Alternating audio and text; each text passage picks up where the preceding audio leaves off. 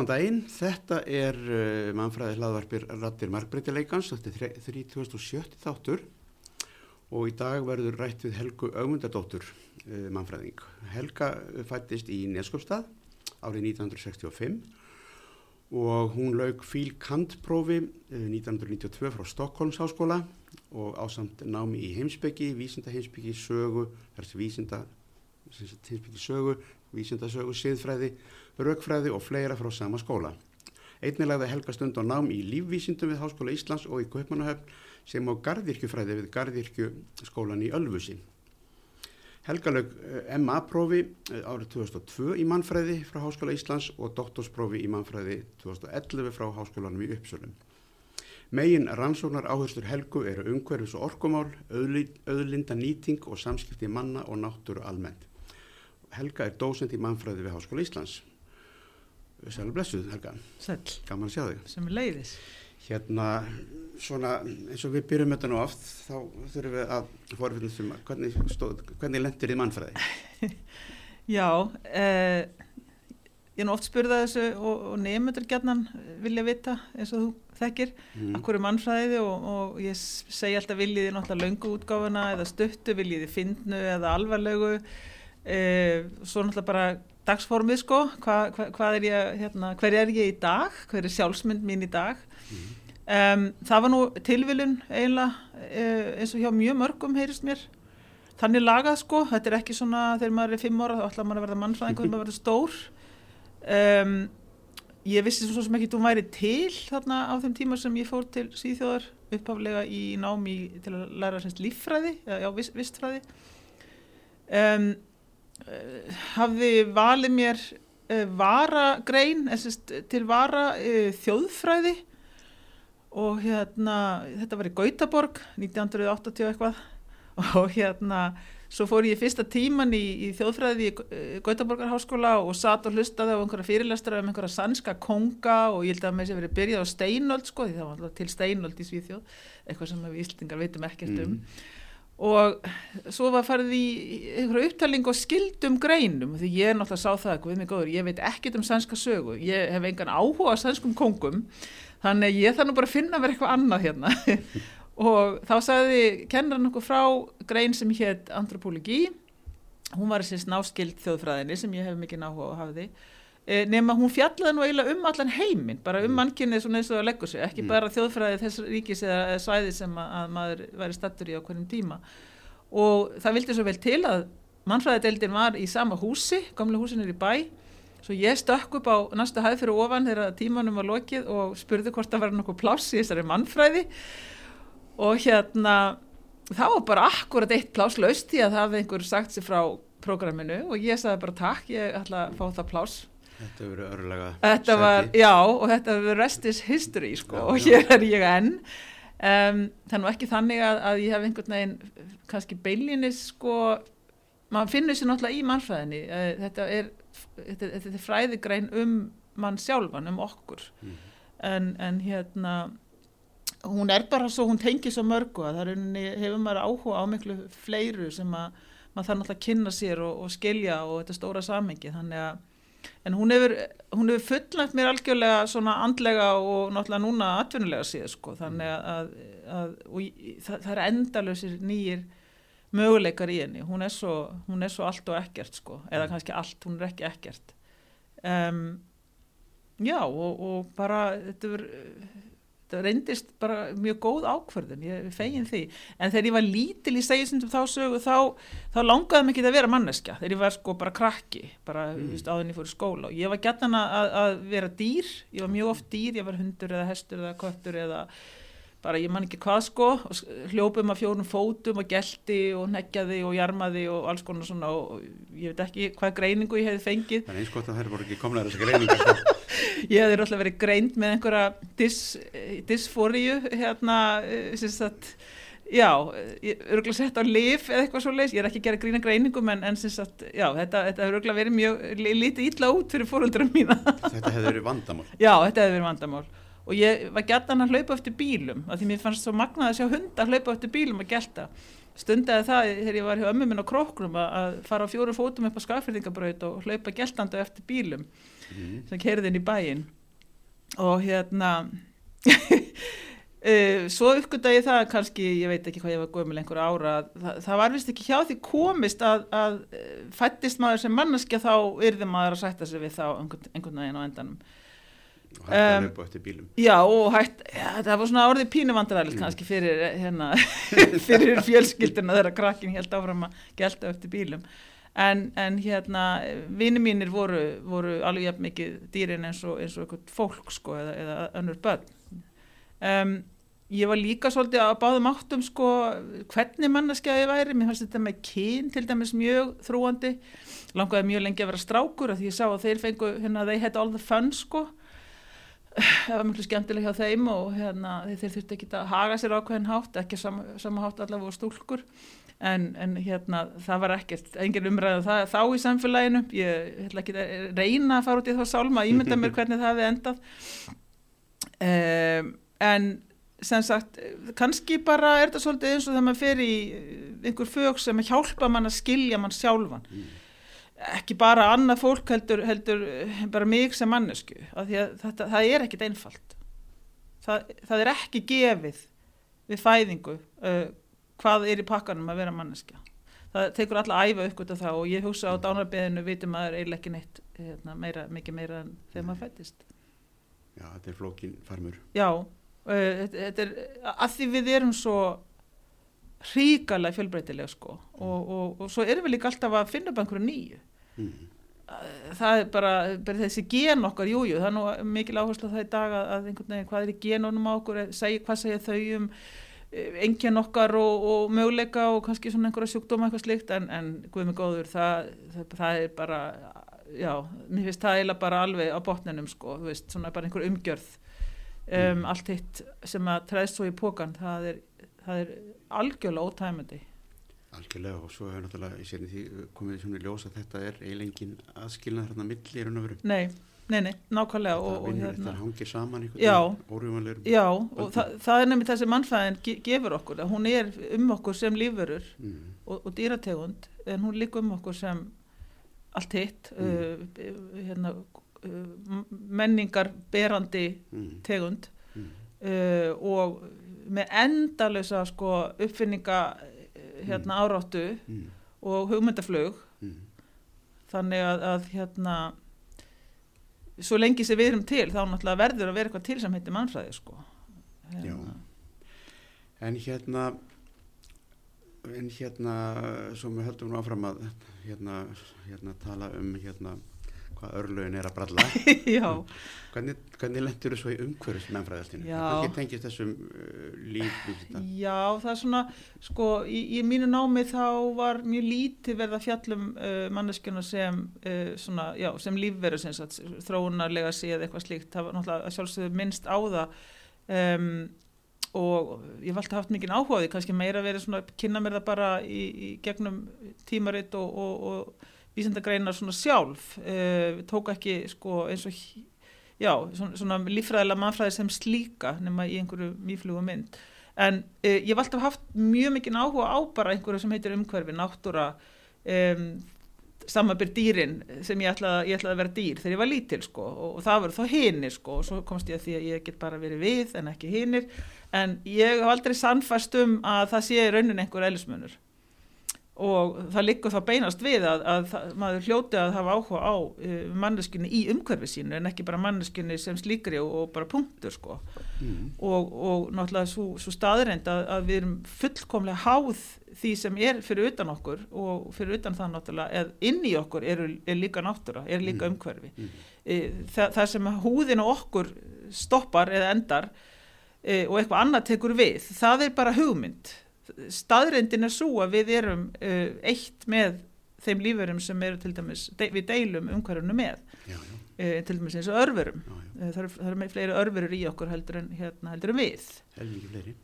já og hérna þannig að, að það einhvern veginn það þarf ég líkt að útskýra að maður hljóti að þurfa að ganga lengra en bara skilja manneskuna á eigin fórsöndum uh, og svo kannski núna í, í hérna þessu, þessari umhverfiskrísu sem við erum í þá, þá getum við að sjálfsögðu ekki hvorki skilin ég, hvað þá leist einhver vandamál á þess að skilja þá þetta umhverfi, hvað sem Mm. það nú Mm. felur í sig sko. Mm. Um, og svo bara þegar ég var í mestaranámi, uh, það er hérna kringum 2000, eða rétt fyrir 2000, þá uh, fekk ég vinnu í rannsónaverkefni sem bandarískur uh, professor í félagsfræði sem sagt, stóð fyrir og var hérna fjármagnað af bandaríska Rannís National Science Fund. Og ég var sem sagt hætti okkur í þetta hérna, verkefni sem sérst Íslandingurinn á, í teiminu.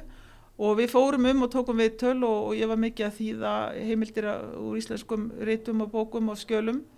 Og þetta fjallaði sérst þetta verkefni fjallaði um hrun síldarstopsins í Norðurallandshafi Mm.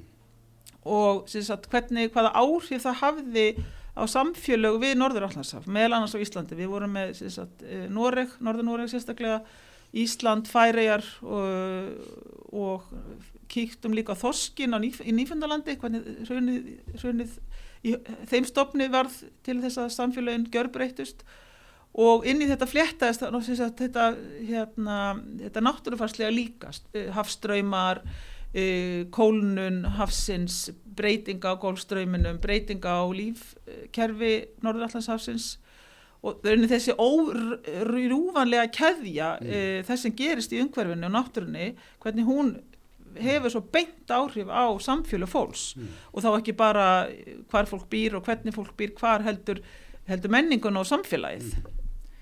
Það var, uh, og það bara opnaði algjörlega augum mín, þessi þverfræðilega nálgun þar í þessu verkefni uh, og það sannfærði mig endanlega ef það var ekki þegar búið um það að þetta væri eitthvað sem ég þurfti að skoða. Fyrir utan svo þegar maður er einu sinni komin í þetta þverfræðilega starf Mm. sem þá ég sem mann, mannfræðingur að þá heldur maður líka bara áfram að fá Mm. uh, fleiri tækifæri og, og þegar maður hefur sínt það að maður kunni til dæmis að því ég lærði líffræði og vistræði að ég, ég kann djargonið Mhm. að, að þá er svo miklu auðveldara fyrir mann að vera þá félagsvísinda manneskjan í Mm. verkefnum, mm. rannsónaverkefnum Mm.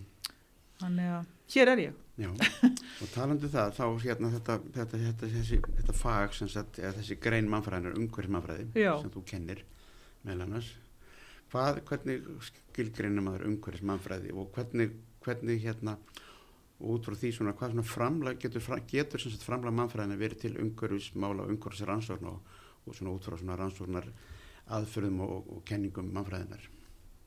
Já, um, Það voru kannski marga spurningar. já, þetta er svona þetta er náttúrulega rosalega viðfemt sko, ég þarf, náttúrulega kannski svolítið að tala um þetta bara út frá því hvernig ég Mhm. upplifið þetta og, og svona í mín, mínu menningarlega samfélagslega samhengi um, það náttúrulega er fyrst og fremst þetta, þessu starrenda mannfæðin er með þessa, þessa rætur í, já, í mínum huga er hún með rætur í, í þremur stórum uh, svona vísendalega fræðilegum nálgunum, það er náttúrulega sem félagsvísindi.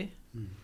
uh, hún er líka uh, hérna hugvísindi. Til dæmis er hún hugvísindi eða til er hún hugvísindunum í, í Uppsala háskóla sem tók dóttarspróf og svo er hún náttúrulega raunvísindi. Þar að segja hér, þráunar fræðilega hliðin og, og, og svona þessi fysiska hérna, mannfræði Mm.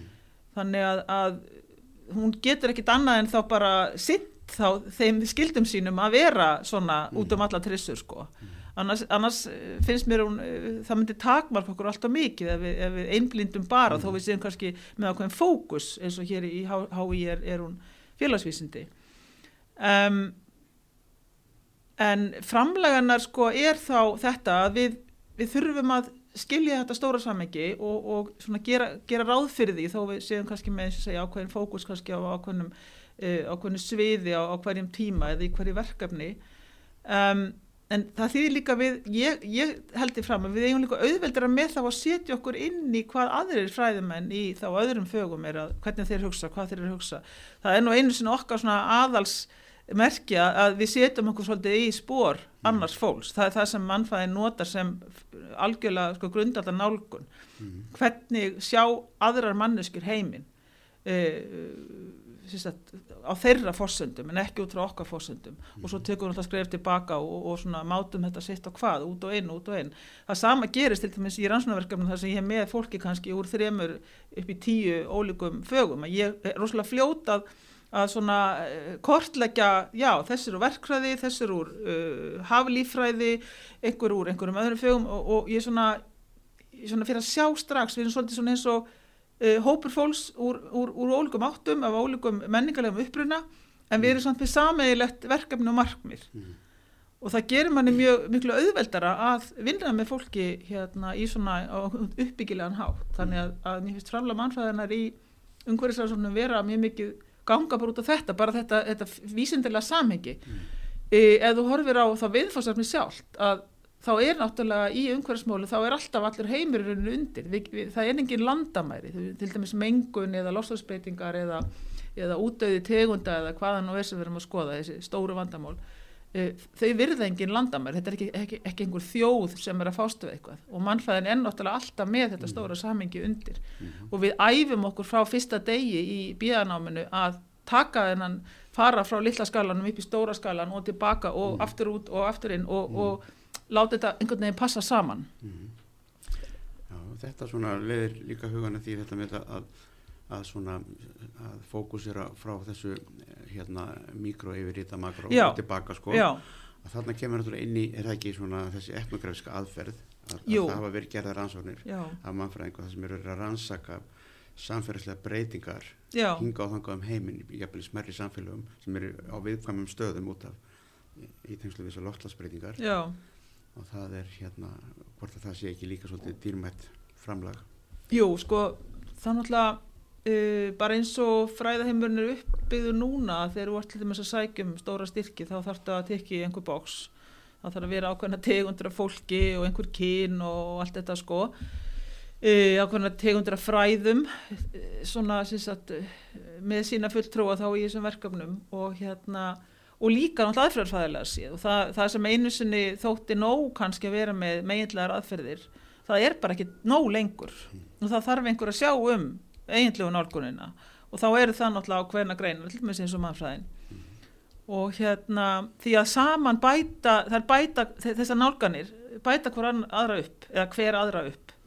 E, við fáum enga heildar mynd á uh, bara eitthvað sem að varðar man, sambúð manns og náttúru ef við skoðum þetta ekki út frá hvort tvekja það er ekki þannig annars er betur en heitt eða eitthvað slíkt, það, bara, það verður miklu heildstæðar í sín og dýbri skilningur ef við gerum þetta á, þá bæði með meginlegum og eiginlegum og hinn eftirfræðiska aðferð er náttúrulega hún er bara eins og við vitum núna hún, hún er alltaf í nótkun út um allt. Það er ekki bara mannfræðingar sem er nótana er, hún er bara orðin verulega sko inn. Já, já. og hérna og svo í þá samtalenu við aðra annað fræðarfólk þá, þá hérna uh, ég læra þeim og þau læra mér og samanlagt getum við þá komið með eitthvað, eitthvað, eitthvað tillegur, eitthvað framlag Mm -hmm. vegna þess að umhverfis rannsóknir eru aldrei bara gerðar bara af því bara það er alltaf einhver tilgangur það er að segja við erum að reyna einhvern veginn að uh, bæta þá kannski einhverja uh, hérna, einhverja stefnu já, hvort sem það er stjórnvalda eða bara einhvern skilning uh, á því hvað er í gangi af hverju við erum komin á þann stað sem við erum og hvað er þetta að gera í því þannig að það eru nú Mm. praktiskar og, og, og það að tala við fólk uh, gegnum til dæmis þáttugatúanir þá ertu strax farin að stað með Mm. ákveðna svona samfélagslega breytingu Mm. og sem betur fyrir þá hérna, þá er þetta orðið miklu viðkjöndara sem Mhm. aðferð heldur en það var og svona rannsóknir í dag þær eru þá vantarlega bara út um allan heim eða já, já, svona, já, já, já. að hafa svona, hafa svona undir mikið upp á sig já, þetta er náttúrulega sko, þetta er svolítið fyndið að því að nú er ég búin að fylgjast með þessi svona einhverjum um 20 ár, 20-25 ár og, og það náttúrulega er ákveðin svona tísku orð sem þarf að nota í hérna, til dæmis í, enn og aftur í umsóknum um, um styrki og, og hvernig maður þá líka uh, sagt, kemur á framfæri þeim, því, því sem maður er að gera niðurstöðum og öðru slíku. Um, samtaliði náttúrulega verður að gerast uh, sko það getur ekki bara allmis verið hinn vestranni heimur sem stendur í þessu þó sem mest að peningum þar uh, og við erum til dæmis ekki að fara að, að leysa umhverfisvandamál indverja sko, þeir þurfum náttúrulega að gera það sjálfur mm. um, en samstæðið er náttúrulega best það er Mm. best að við hittumst mætumst á meiri leið og það er dæmis núna er, er, er engin rannsókn gerð þar sem eru dæmis frumbyggjar, frumbyggjarhópar eða þjóðir nema þeir séu með í sko frá upphafi í, Mm. þú veist, í, í hérna hönnun hérna rannsóknarinnar og, og, Mm. og, og hvað spurningar, eh, spurningum á að svara og annars Mm. líkt um, eða, eða bara, já, bara fólki sem býra hverjum staði, hverju svæði sko. það, það er ekkit, er ekkit, gengur ekkit lengur að vera bara rannsaka einhvern veginn ofanfrá, einhverju elita úr einhverjum háskóla sko. af því að, að við líka, ég held að sé meira minna orðið algjörlega meðvitað að, að rannsókn er í sjálfu sér afl til breytingar hún er ekki bara að taka einhver, einhver, sko, einhver, einhver stikkpröfu eða, eða einhverja mynd af ástandinu hún er líka breytingarafli í sjálfu sér sko. Mm. Já, á að vera það. já, Nei, mér þetta allt í nýju þurfast að tala um þetta sko með, með hérna að, að svona umhverfis, allar svona umhverfispæringar, þetta er náttúrulega bara algjörlega fullt, ef það er eitthvað sem er nattrænt, þá er það þetta. já, Að hérna, til dæmis uh, þessi samskipti, svona sem sagt, uh, hvað maður að segja, norðursins eða fyrsta heimsins já, við the rest. já. Að hérna til dæmis, þú ætti að tala um það sko, indverjar verða að leysa sín vandamál sjálfur en við erum líka að flytja út okkar vandamál Já. til þessu svo kallar þriðja heims. Við erum að flytja út einhver hundruð tonna af einhverjum ónýttum tölvum og, ramaskræjum mm sem er fluttum í, gá, í gámu til Nígeríu eða Indlands eða eitthvað stær mm. og hérna þar sem að hérna er einhver samfélag sem að hafa þetta kannski að megin atvinnugrein. Já, þar sem að helmingurinn verður bara veikur við að vinna við þetta og, og hérna já, og við flytjum út þetta- sem sagt, þetta- þessa, þessa eitrun, þetta toxicity frá okkur. Já, og hérna þetta er svona, finnst þetta svona, þetta er náttúrulega ákveði vandamál sem að einhvern veginn já, já það, sko, við erum, það, þetta gerist sko frá upphafi til enda, þetta, þetta er náttúrulega sko framleiðslan á þessu er yfirleitt, hún byrjar yfirleitt í einhverju, mm, ekki alltaf en, en mjög oft, það er einhverja námur einhver staðar, Mm. getur svo sem verið hvar sem er. Mm, það sem að efnið í þessi til dæmis þessar græjur okkar eru Mm. unnar og það er nú oft við aðstæður sem að eru náttúrulega svo hróðalegar að, að hérna, við viljum helst loka augunum fyrir því sko, einhverja námur eða hvað það er. Mm, svo er þetta smá saman uh, verður þetta verður þessi efni til að einhverjum hlutum mm, til dæmis hlutum úr síma eða hlutum úr tölvu og þetta er sett saman einhver stað, það getur verið Kína eða hvað það er, þá erum við kannski komið meira í svona annan heiminn sko. Mm, og svo eru neytendurnir, þeir eru náttúrulega yfirgnafandi meðluti þeirra er uh, hinn vestræni heimur eða þá bara einhver elíta, ég menna Mm. Indland á sína já, já, forríku elítu sko. Já, og hérna og svo þegar þetta er orðið að drasli þegar við nennum ekki að nota þetta lengur þetta er orðið úrelt eða hvað er. útgáfa Já, þá, já, þá fyrir allt þetta drast tilbaka í bara í öðru formi heldur en það var unnið uppalega og eins og þú segir það endar á einhverjum haugum hjá hérna, fólki sem að nýtir þetta til þess að, að ná fá í sig og á. Mm, um, og svo náttúrulega hefur þetta, hefur þetta verið náttúrulega í 500 ár mm, síðan hins og kallar nýlendu mm, stefna varð til. Mm, og það hefur náttúrulega svo sem ekkit breyst sko. En við getum svo sem ekki glemt í heldur að, að líka í þessu svo kallar fyrsta heimi eða, eða hennu vestrana heimi það náttúrulega eru líka manneskjur við séum þetta mjög vel í bandaríkjunum. Mm. það, eru, það eru heilu samfélögin sem að e, búa við það að það er bara öllu ógeðinu dömpað á þau sko. Og, og vatnið er ódyrkjar hæft Mm. og það er geislavirkni og einhver mengun og hvað þetta nú heitir allt saman sko. Mm, jú, jú. þannig að, að þegar því heimurinn nú mjög víða og oft bara beintur það með nefið á okkur sko að, en já, það er allavega staða fólk segir mér mikið til um hversu, hversu mikið það þarf að þóla í e, þessu niðurbroti hérna vistkerfa. Mm. þannig að þetta hangir svo sannlega allt Já, saman, já, saman. þannig að hérna, og þetta er náttúrulega eitt, eitt af því sem að, að mannfæðin hefur mjög mikið fram að færa í að því við höfum svo lengi skoðað jáðarsett fólk, fólk í viðkvæminu Mm. stöðu, fólk sem er, er, er einhver, einhvern veginn beitt einhvers konar ofbeldi, Mm. beinu, óbeinu, kerfisbundum, hvað þetta nú heitir allt saman. Mm. og það, svo, hérna, svo þekking og þær kenningar sem mannfræðin hefur um allt þetta sem er búið að vera byggjast upp síðan mannfræðin var til þetta náttúrulega bara svarar fyrir beint inn í eitthvað sem heitir umhverfisansóknir Mm. Uh, það sem er réttlæti og mannréttindi og, og, og hérna og, og, og mismunandi valdastaða og valdbeiting er bara, Mm. það heldur bara áfram að, að opna Mm. augumann sko, hvort sem það heitir umhverfismálið eitthvað annað Mm. Já, en nú, og nú erum við, við svona, sem sagt, eiginlega komist að því, svona flesti, flest okkar, að hérna, að þetta er vandamál, já, sem sagt, þessar loftlagsbreytingar og, og þessi, þessi, hérna, þessi takmarkalösa hérna, tak, takmarkalösi ágangur á náttúruna og náttúru mm. auðlindir til þess að að viðhalda þessu heimshakkeri sem við búum við einmitt. og hérna þannig að, að ef, að, ef að hérna við viljum gera eitthvað í þessu þá náttúrulega þurfa þeir sem að valdið hafa Já. að gera það en þá er spurning er, það veri stundum ekki vera sérstaklega svona sannfærandi pólitísku vilji hjá viða til þess að gera eitthvað í raun og veru og Mm. hérna það er einhverjar parisar ráðstöfnur alls svona ráðstöfnur þess að lendur koma hundra enga þóttur og, og hérna og hérna fólk segir halló og amen gaman að sjá þau fyrir Mm. bara aftur heldur áfram sínu sökki Já. en hérna hvaðan mun hvaðan mun hérna þetta koma, er það, það grasrótin sem mun grasróturhefingar um allan heim sem að er, fara virkilega að finna fyrir þessu svona varnalösa sem að munu gera eitthvað og hérna og, og svo náttúrulega hefingar eins og Greta vinkona Já. fara, Thunberg Já, alltaf andófið kemur náttúrulega og hefur alltaf komið niðan frá, annars er það eiginlega ekki andóf sko. Mm. Uh, maður sér ekki oft svo sem einhverja elítur andæfa, hver, hverju ættu þær að andæfa að það fá ekki nóg eða Mm. græði ekki nóg mikið eða eitthvað slíkt já, það gera það nú sem er Já, já, reyndar, já það að andæfa sjálf, sjálfri sér sér. skatta Já, nokkulega. Um, já, og maður sér til dæmis í dag þá er náttúrulega andofið eins og alltaf svo sem frá, frá hérna litla fólkinu, ég veit ekki hvað, ég man ekki hvað, hver þýðingin og subaltern er á íslensku en hérna uh, þeir sem hafa er að andafa, þeir sem hafa ekki er að andafa þeim sem hafa, the haves and the not, have nots. Mm.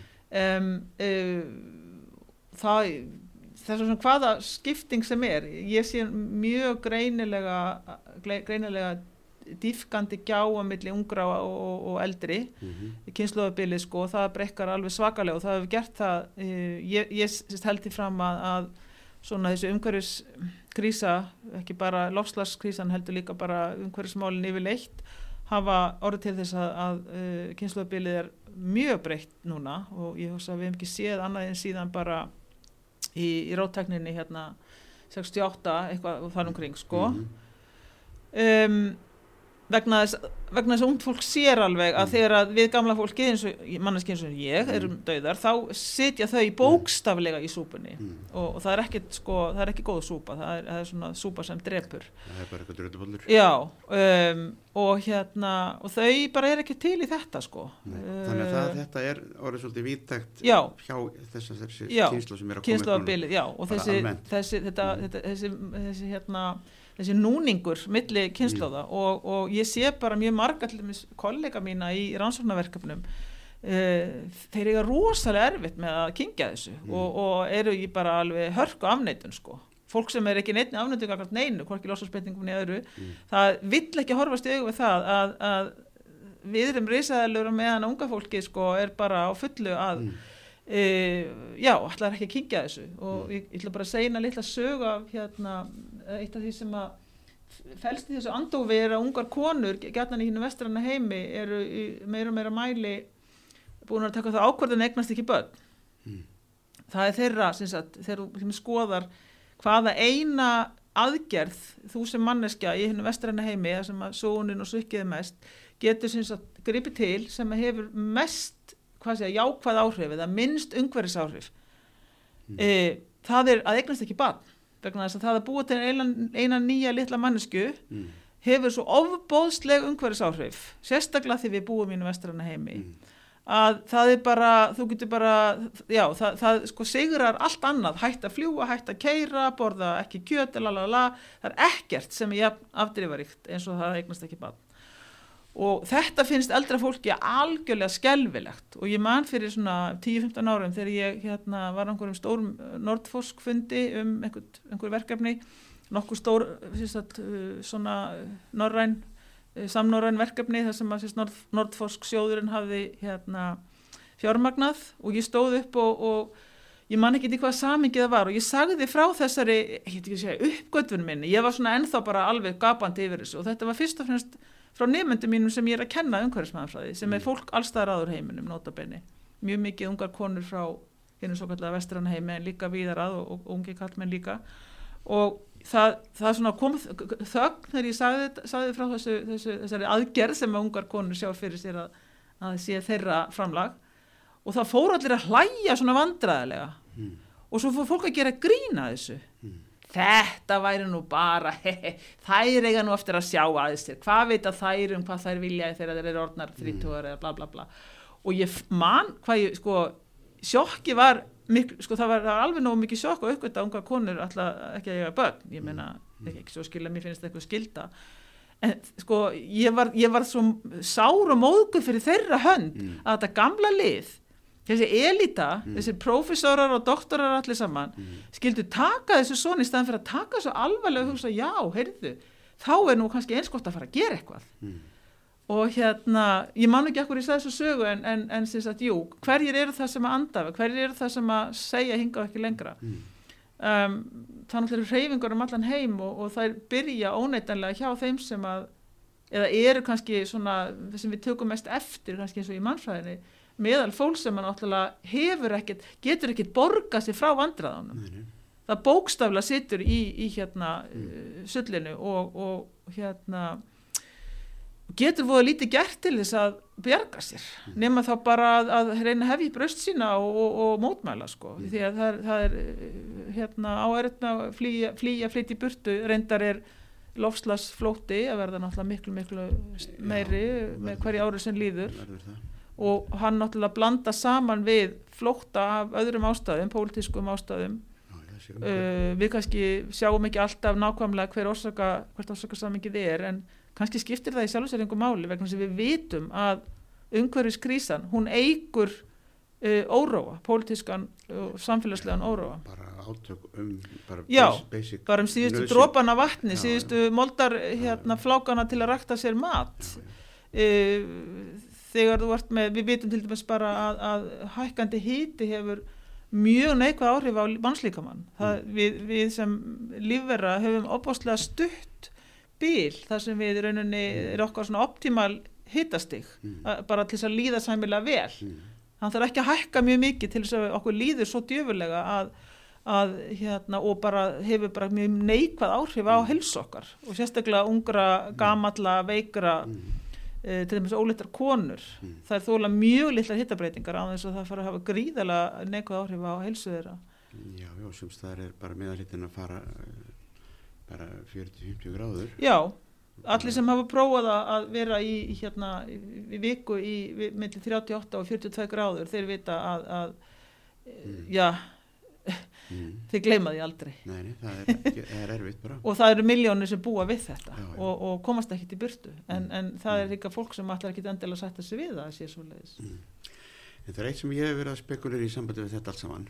Þú ert að tala um þetta unga fólk og þetta sem sagt að það sé komið upp ný kynsla sem er náttúrulega um, bara neðist til að vera mjög meðvitað um Mm. þetta að sína eigin, ekki bara framtíð, heldur bara nánustu framtíð líka. já, bara núna, núna.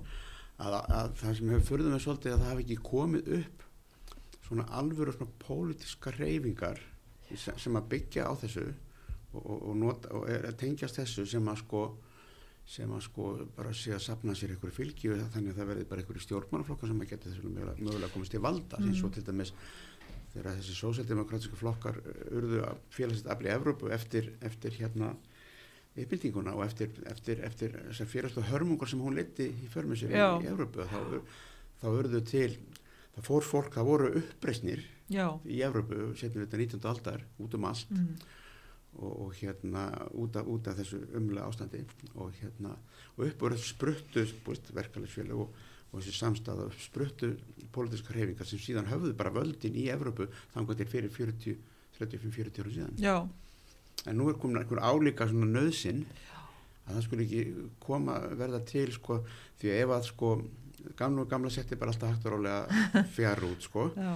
að ef að kemur upp einhver, einhver kynslo sem að er kannski miklu hluta meðvitað um þetta þá er þetta náttúrulega bara politist afl sem að þetta getur komið svona flokkum til valda sem myndu þá bara að fara að sinna sér einhver löggjöf sem að skilur við sem að Já, já, þá fyrir maður líka að spyrja sér sko þetta flokkakerfi og hvernig það byggist upp og hvort það gengur yfirleitt út á eitthvað sem heitir líðra, líðræði sem að er Já, þá er- eitthvað sem að er, eh, hvað sé, reyfiaflið er þá kostningar mm, þá fyrir maður sko, skoðum það þá aðeins sko, Mm. er þá til dæmis það að bjóða sér fram í einhver já við erum búin að sjá þessa grænu flokka, græningjaflokka í Evrópu, þeir eru nú orðnir meira minna tannlösi virðist þeirra. Þeir, þeir, þeir einhvern veginn fatt náðu þessi ekki. Nei, þeir, þeir, þeir hættu einhvern veginn að virka þegar þetta með loslasmálinn Já. var svona stóra Já. umhverfismáli, Já. sko. Þeir, þeir virkuðu svona meðan að súraregnið var og eitthvað Já. svoleiðis, jú, jú. Kjarnorku, Uh, já, já, já, algjörlega en, en svo verða þeir hálf einhvern veginn uh, bara uh, já, vindurinn fór úr þeim núna uh,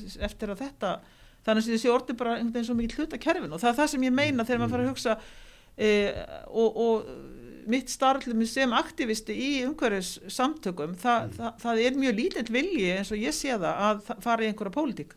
Já, fólk vil einhvern veginn reyfa hlutina á annan hátt heldur en að bjóða sig fram. Já, því það trúir ekkert á nei. þetta bjóða sig fram láta kjósa sig, bla bla bla komast til valda Nei, í nei, nei. En það er náttúrulega viðaskvar eins og bara hér á Íslandi, þetta er náttúrulega eini kosturinn, eini sem hægt er að gera í raun og veru, að ef það kæmi fe- hér frambóð já, og það sem að myndi bara vera með einhverja í farabráti sem myndi takast, ná, or- ná eirum skilurðu, og hérna að hérna síðan kemur í skoðanakonunum að þeir væru bara með 30% fylgi já.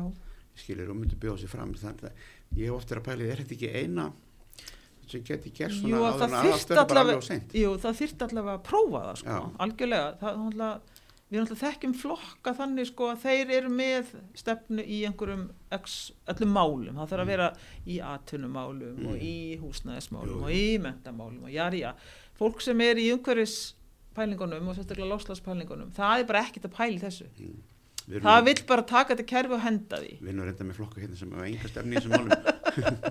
Nei, nei, það er sko rétt. Nema bara að þeim þykir stefna stefnuleysi vera stefna, sko, Já. við bara gerum ekkert. Já, við skulum, bara, við skulum kannski græn, eh, græn stefnuleysis. Já, já, einmitt, þeir er alltaf græn þó bara svona, þetta verður svona kosmetísk aðgerð, aðeins fleiri ramaspílar og aðeins fleiri hjólabrautir og þá er allir Mm. sáttir, er það ekki? sortir að rusti Já, og svo náttúrulega þeir flokkar sem við höfum núna sem að, að kenna sem er að segja við eitthvað umhverfis eitthvað, það, það er ég, ég, mín skoðun er svo að það náttúrulega það sé sko ekki tangunni tetur af því ekki, ekki, nei e, Ekki. og þeir flokkar sem eru tiltölulega nýjir e, sem að maður svona bindur svolítið vonið sína við því þeir hafa mikið svona potensial þeir þurfa svolítið að haska sér núna að Mm. Byggja upp einmitt stefnu Mm. uh, og sína fram á hana í mm. sagt, þá, já, næstu kostningum mm.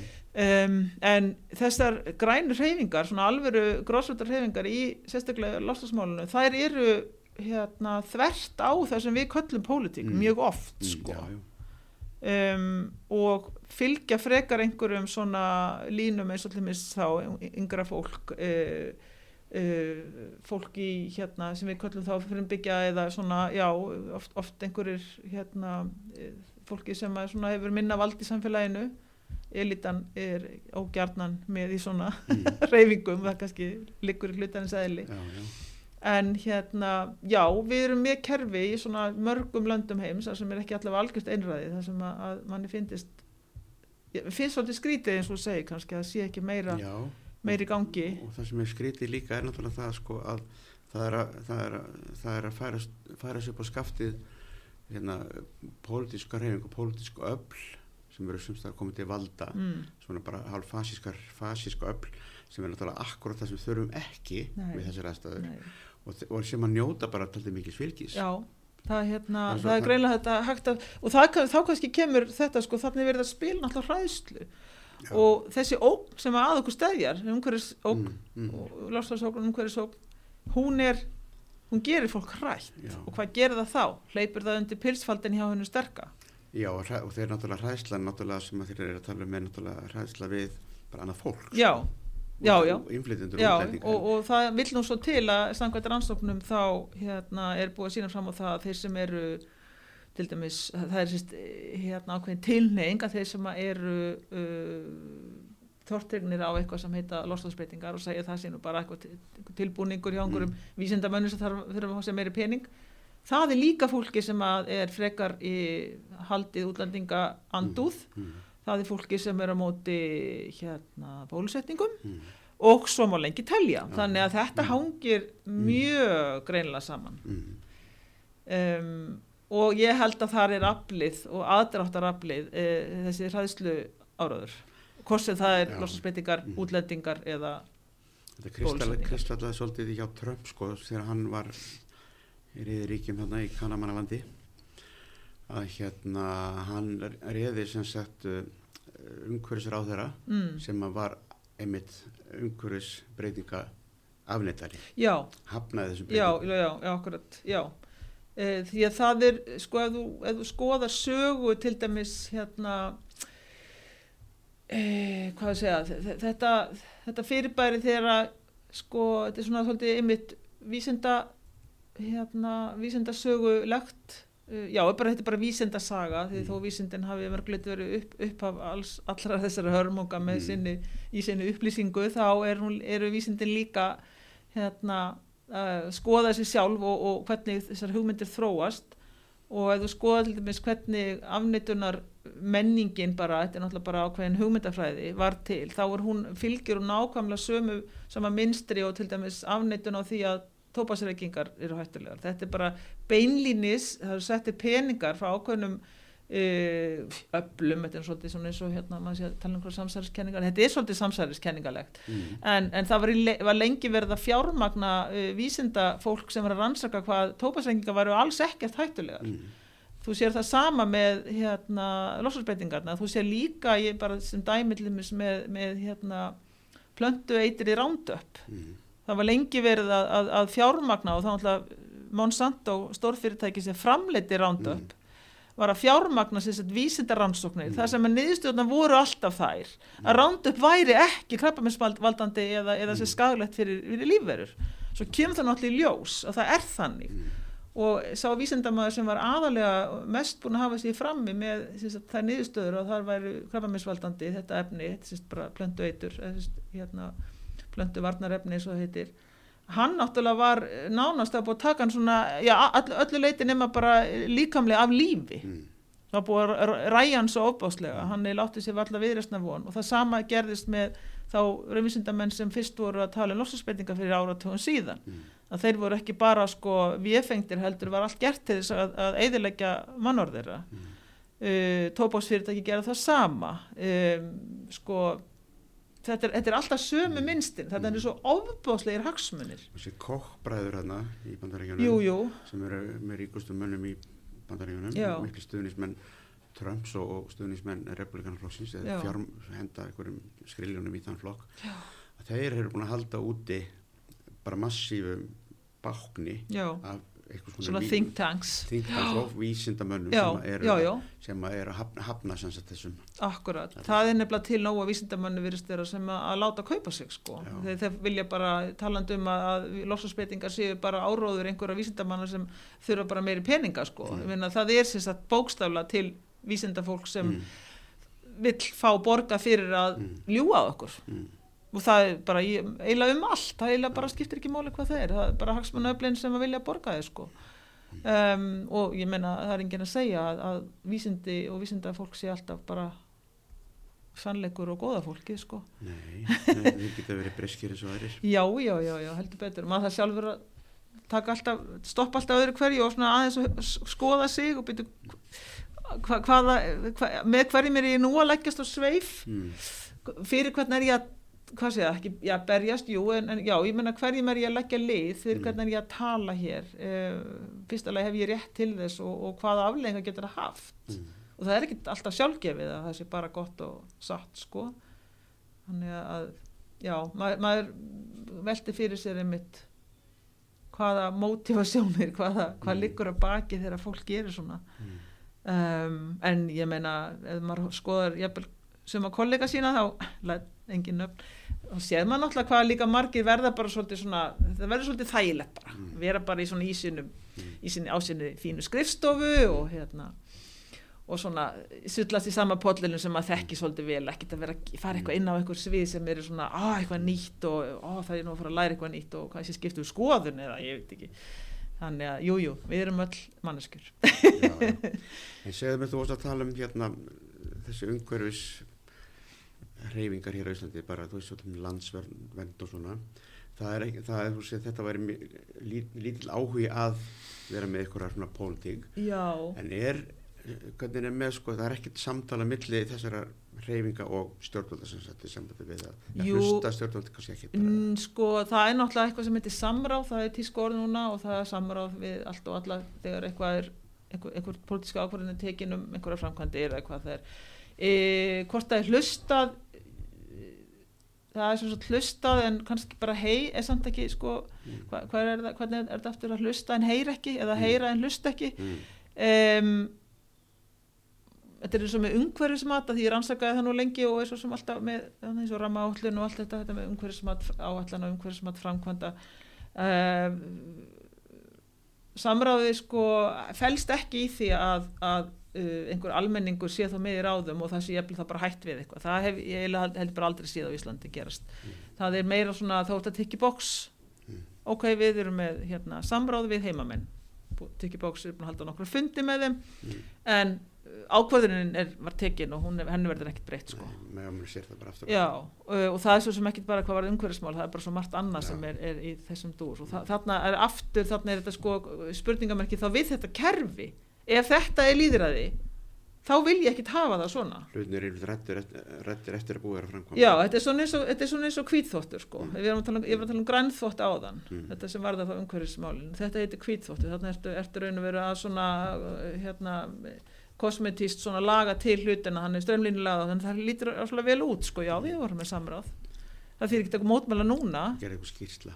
Já, uh, hvort að hérna, hér sé hlustað á umhverfisamtök um, það, það, það færist nú í vöxt. Ég er búin að vera það lengi að, að fylgjast með og vinna með hérna uh, og þannig að það eru tven, þessi tvennu stóru samtök náttúruvöndarsamtök Íslands og landvend og það er nú meira og meira verið að hafa þau með í ráðum svo sem og hlu, ég vil þá, segja hlusta á þau þar að segja að það, það er ekki bara hleyið að viðkomandi rödd Mm. sem skrifa kannski einhver blöð eða tekur þátt í einhverjum, einhverjum hérna, pallborði eða hvaða nú er.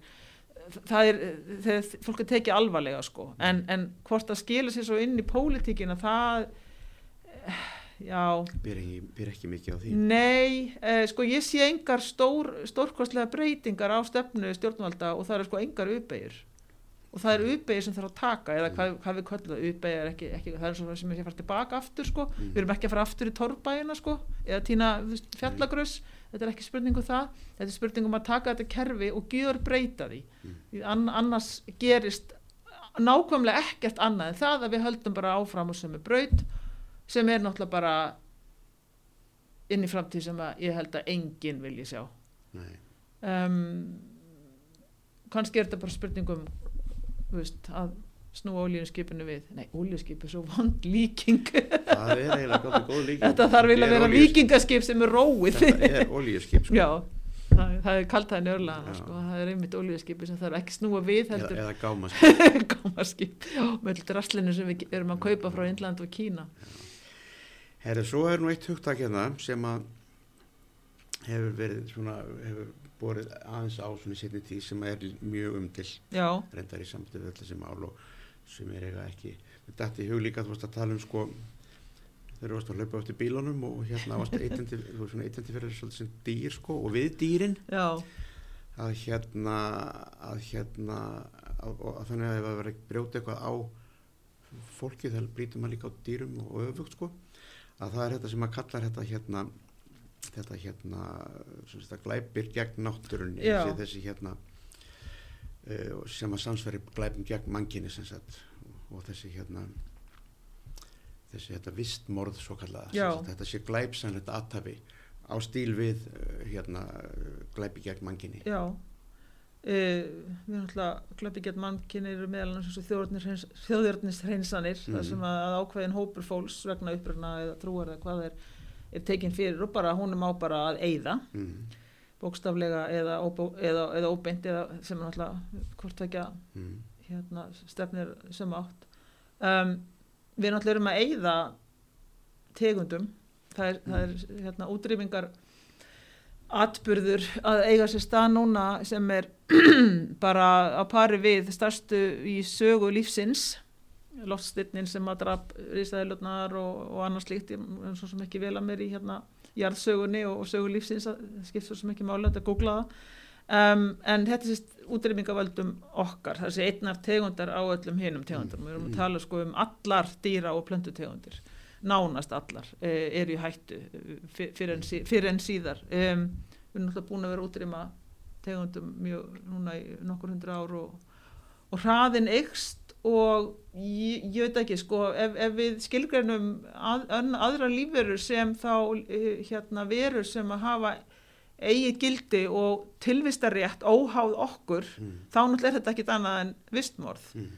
Um, við erum að fremja glæp á öðrum lífurum með því að, að uh, útrýma þeim mm. og ekki bara útrýma þeim heldur líka bara með því að það er verið komið vekk fyrir að það geti lifað áfram með því að eigða uh, hérna, þeim landsæðin sem það er búa á eða, eða drepaðar hægt með eitri eða hvaða nú er sko og hérna og það vill alltaf svo til að, að til dæmis hérna frumbyggjar heimsins þeir, þeir, þeir eru gætna bundnir mjög sterkum böndum menningarlega og svona tilvistarlega persónlega, sjálfsmyndarlega við uh, dýrategundir og plöndutegundir og bara sitt landsvæði sem er hafa mm. þá vandala verið á í þúsundir ára, miklu mm. lengur en, en einhverjir nýkomnir kvítingjar sko uh, og með því að drepa þessi vistkerfi sem Hmm. Þau hafa lifað í, í þúsundir ára og, og mynda sína sjálfsmynda sína menningu út frá þá hljótu við líka verið að fremja morð á þeim hmm. þá óbeint að þessu leiti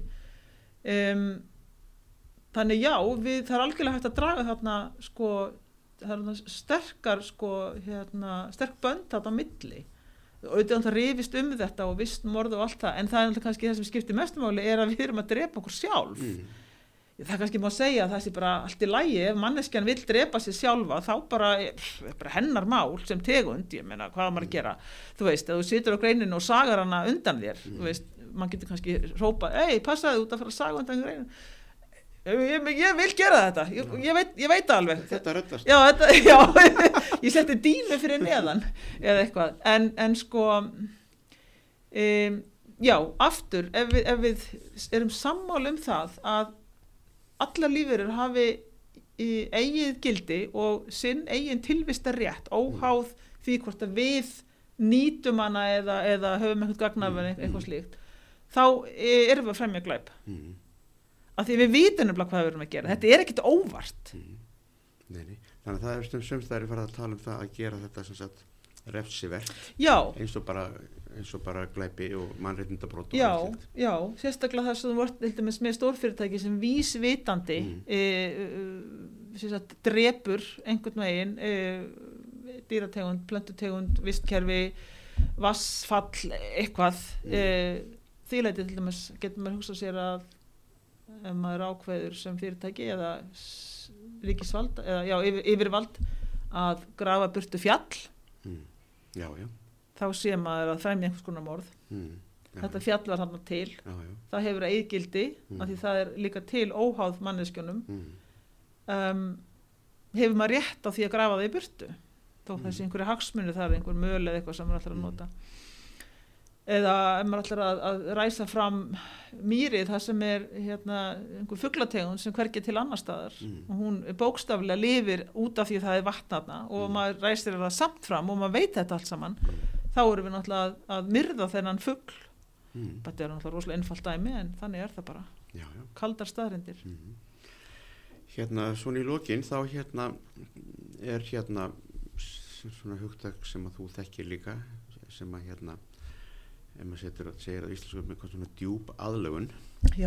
Svona deep adaptation þetta er hérna mjög þekkt grein sem að Jem Bendel skrifaði fyrir nokkrum árum og, hann, hann, hún, og það er forsagan fyrir grein er kannski þess að skýra þessa afnötun í vísindarsamfélaginu líka að hann reyndi að fá þess að grein byrta mm. í slatta af svona vísindarlegum tímaritum um umhverfismál. Og hann hefur allstað hafnað. Einmitt. Þannig að hann gaf hann bara út sjálfur á netinu já. þetta er þöggunin sem er svo margir verða fyrir sko, hún hefur sko, uh, hlaðið niður sko bara, bara hundruð þúsunda eindöfum sko og hérna og hann er, hann er sko að jafnvel að tala um það sko að það sé fræðilegu möguleik því að mannkinn muni útrýma sér á þessari öld mm -hmm. og hérna og hérna og máli sé bara þetta sé komið yfir ákveðin mörg að því leytinu til að við snúum þessi ekki við Nei. við snúum ekki ólíðskipinu við heldur lendir að vera ekki störri strandi og allt verður bara verður ennþá með skýtur það er bara spurning á hvað miklu hraða við lendir með strandi sko. og hann er með eitthvað hugmyndir þarna í sambandi við það að við þurfum að fara að hugsa líka ekki bara um það hvernig við ætlum kannski að snúa þessu við að stoppa þetta, mm. -hmm. þetta heldur ef við, það tekst ekki já, sem að eiginlega lítur jafn þannig út í dag já, hvernig ætlum við að taka við því Já. hvernig ætlum við að laga okkur- að, að af þessum miklu breytingum í samtum fæðuöflun búsetu og allt þetta Allt. eins og þú varst að tala um í byrjun í þessu viðtali sko, að maðurinn, eitt af þessum enginni mannin er hann er svona sköpunarkraft já, ímyndunarafl og, og svona er lausna miðaður já, já, við reynum að lifa af sama já, hvað, þannig, sko. þannig að þetta er svona, þetta er svona eins og hann segir, þetta er ykkur hugsun sem enginn hefur þóra að hugsa í Nei. alvöru. Það, þetta er fíllinn í stofunni, sko. Já. Um,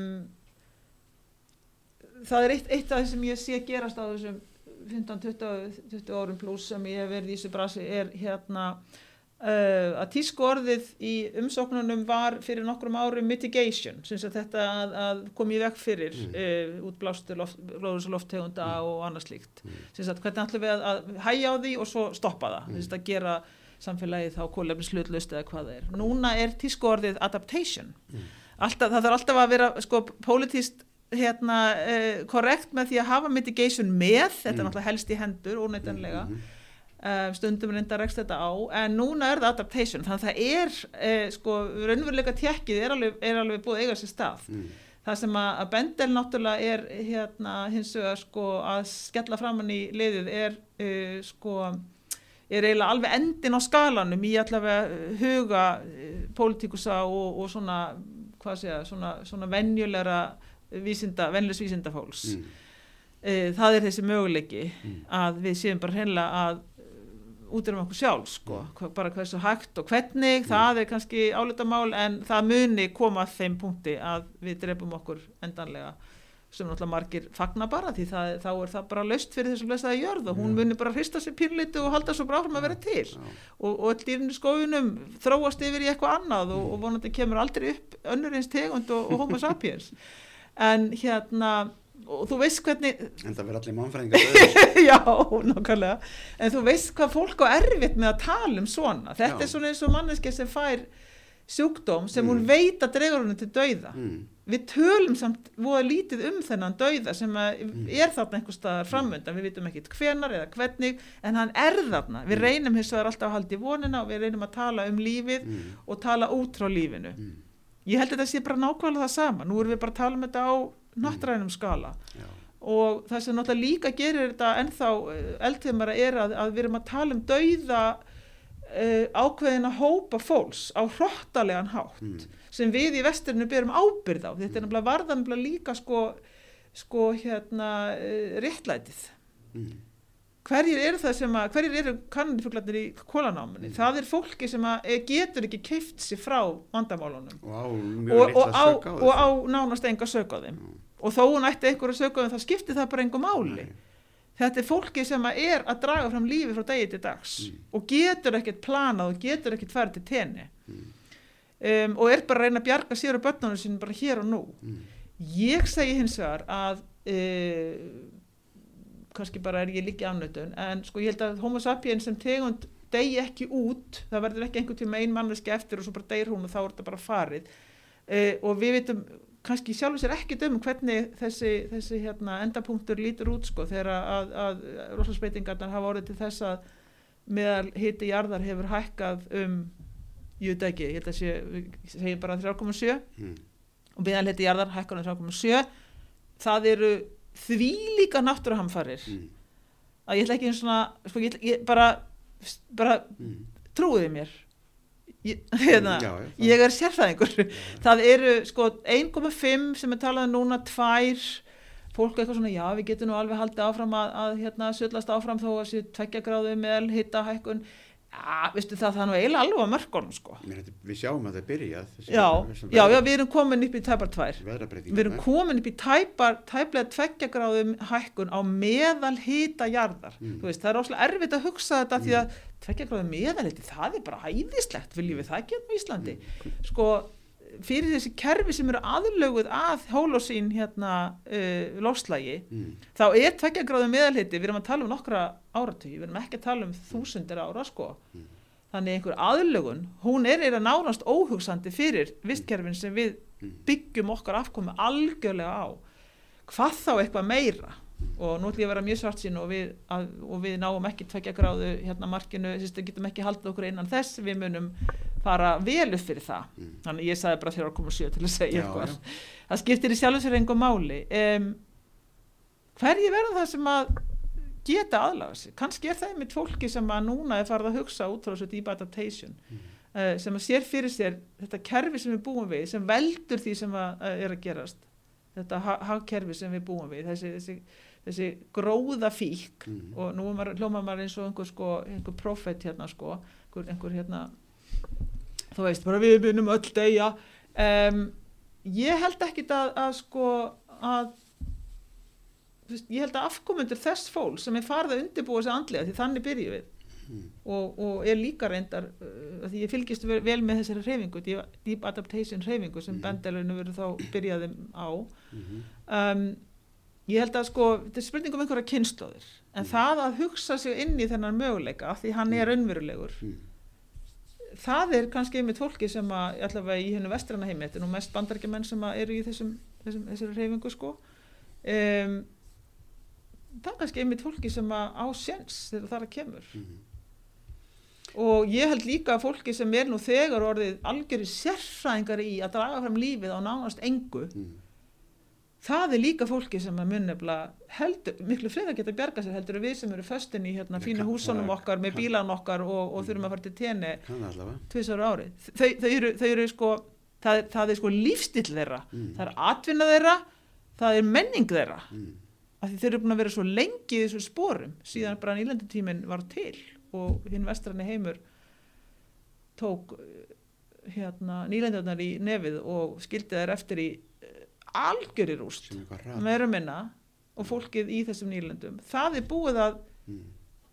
sko það er búið að mastera svona lífstíl Mm. þannig að, að sko það, það, það er deep adaptation fólkið í mínum huga sko. Við skulum læra svolítið af þeim. Hva, hvernig, hvernig ætlar að lifa á 5 dólarum að viku? Síndu mér. Skiluru, Já, eða einum. Já eða einum eða bara engum. Mm. raktaði bara allt því sjálfur. Já, já. nei þú veist hérna sko það fjallar ekki um einhverjar reyfingar eh, skilur einhverjar framar einhverju öðru. Það fjallar um að sjá fyrir sér fantasían hérna, ímyndunaraflið Mm. algjörlega nýja nýjan lífstíl eða ja, lífstíl hljóma svo illa þetta er svona svo á mínum mannesku lífstíl um,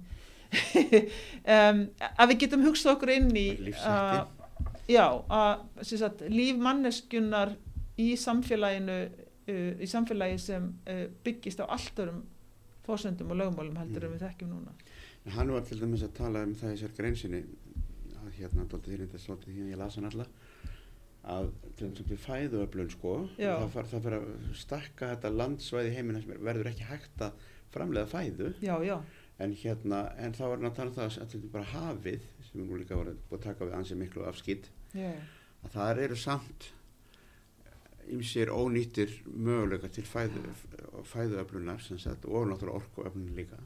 Að hann, er líka að þessari, þetta er svona svart, svört sín sko, hjá honum sko.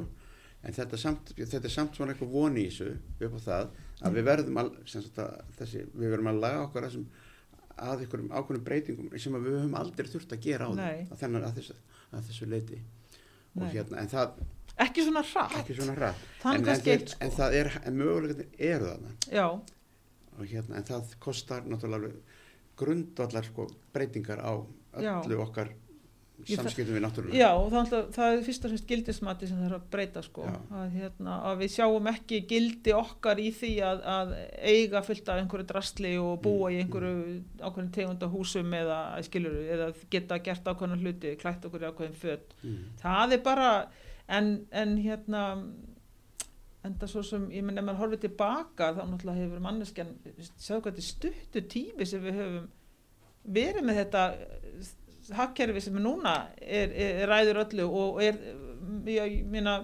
er færð fær fyrir því að er orsökin að öllu þessu ruggli sko. 150 ár Já, þetta er svo stuttu tími, Já, við erum þó búin að vera til í 250.000 ár sem manneskjur og Já. eitthvað sem heitir menningar Já, já, berandi já. tegund sko um, þannig að, að ég vorkinu okkur ekki neitt það, það er það sem að sko manni sárnar mest og það, það er líka eitthvað sem að maður gerir hvað sem er vegna sem maður horfir á mannretinda brot og, og, og hérna, þjóðurnishreinsanir algjörlega óháðu umhverfismálum og lostasmálum er búin að horfa á það bara allt sitt líf mm. sem að maður getur bara endalast brjálaður yfir Mm. það sem ég verið brjáluð yfir er e, fólki sem er verið að fórna Mm. af því það er ekkert gert af því viljin er ekki raunverulegur. Það er alltaf einhver grænþvottur og svona einhver yfirbors, einhver pot í gangi hjá þeim sem valdið hafa hvort sem það er efnahagslegt eða pólitískt vald. Já.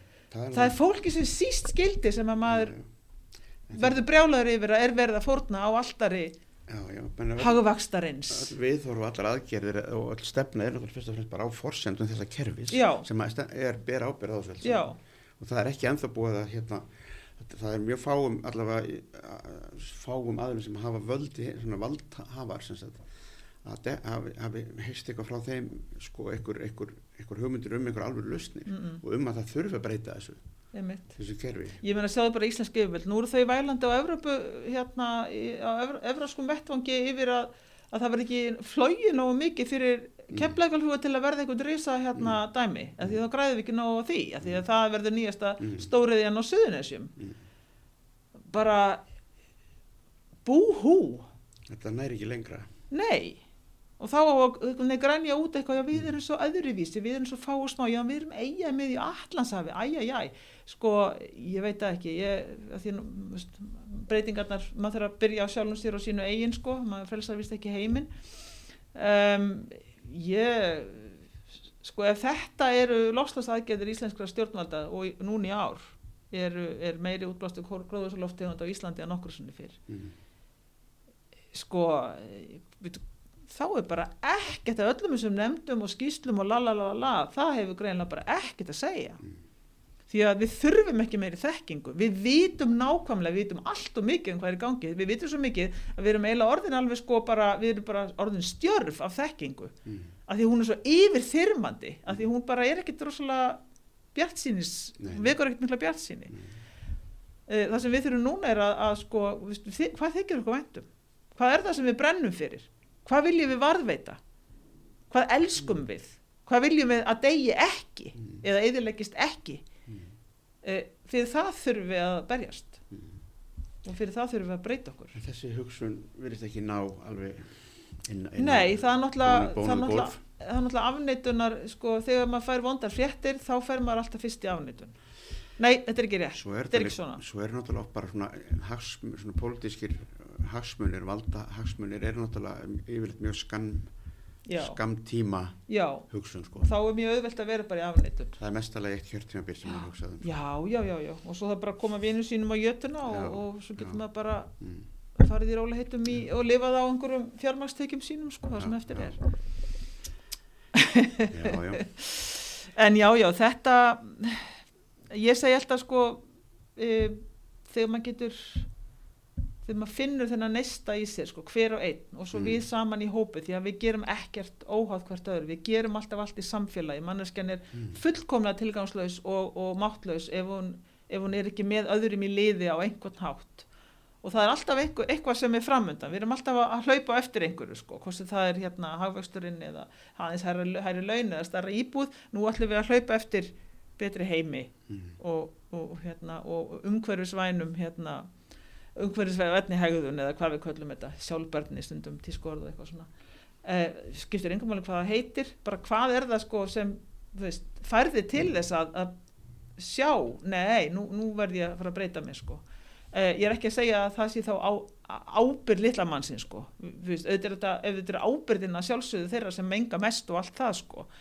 En, en hérna uh, hugafars og hegðunarbreyting verður ekki til nema hjá hverjum og einum sem saman mynda þá einhvers konar Mm. heilt Mm. hvort sem það heit stjórnmálamaður eða, eða bara ég sko um, og þá við vitum alveg hvað við erum íhaldsum tegund við viljum helst bara þess þessi þægindi og að það er svo gott að hafa þetta svona þetta hefur alltaf verið svona, mér líkar þetta vel ég fæ mér alltaf, þú veist, sama morgumatina því hann er bara helviti þægilegur og til þess að þú veist, breyta því, þá þarf það að vera eitthvað sem að er nógu stert afl Mm. og það er eitthvað sem við berum umhyggju fyrir Mm. það er ekki þekking sem fara eitthvað til þess að hlaupa stað og, og breyta það er, það er hérna, það er fyrst og fremst þessi, þessi sko þessi, þessi umhyggja og svona eh, já, það sem við viljum hlúa að sem fær ykkur til þess að breyta það getur mér verið börnin okkar eða landi sem okkur þykir væntum eða, eða einhver krútlegur bánsi eða æskilur mm. það, það er algjörlega tilfinningatengt. Það hefur miklu minna með, með hérna einhverja vitsmunni að gera heldur en, heldur en það sem að, að fær ykkur til að líða vel og, og er svona finnum að við, við byrjum ábyrð á. Já. Ég held að þetta sé bara fín loka orð. Þakka kærlega fyrir. Takk fyrir að þetta spjall um hérna já, málmálana já, málmálana já, já, okkar, okkar tilveru bara Já, takk.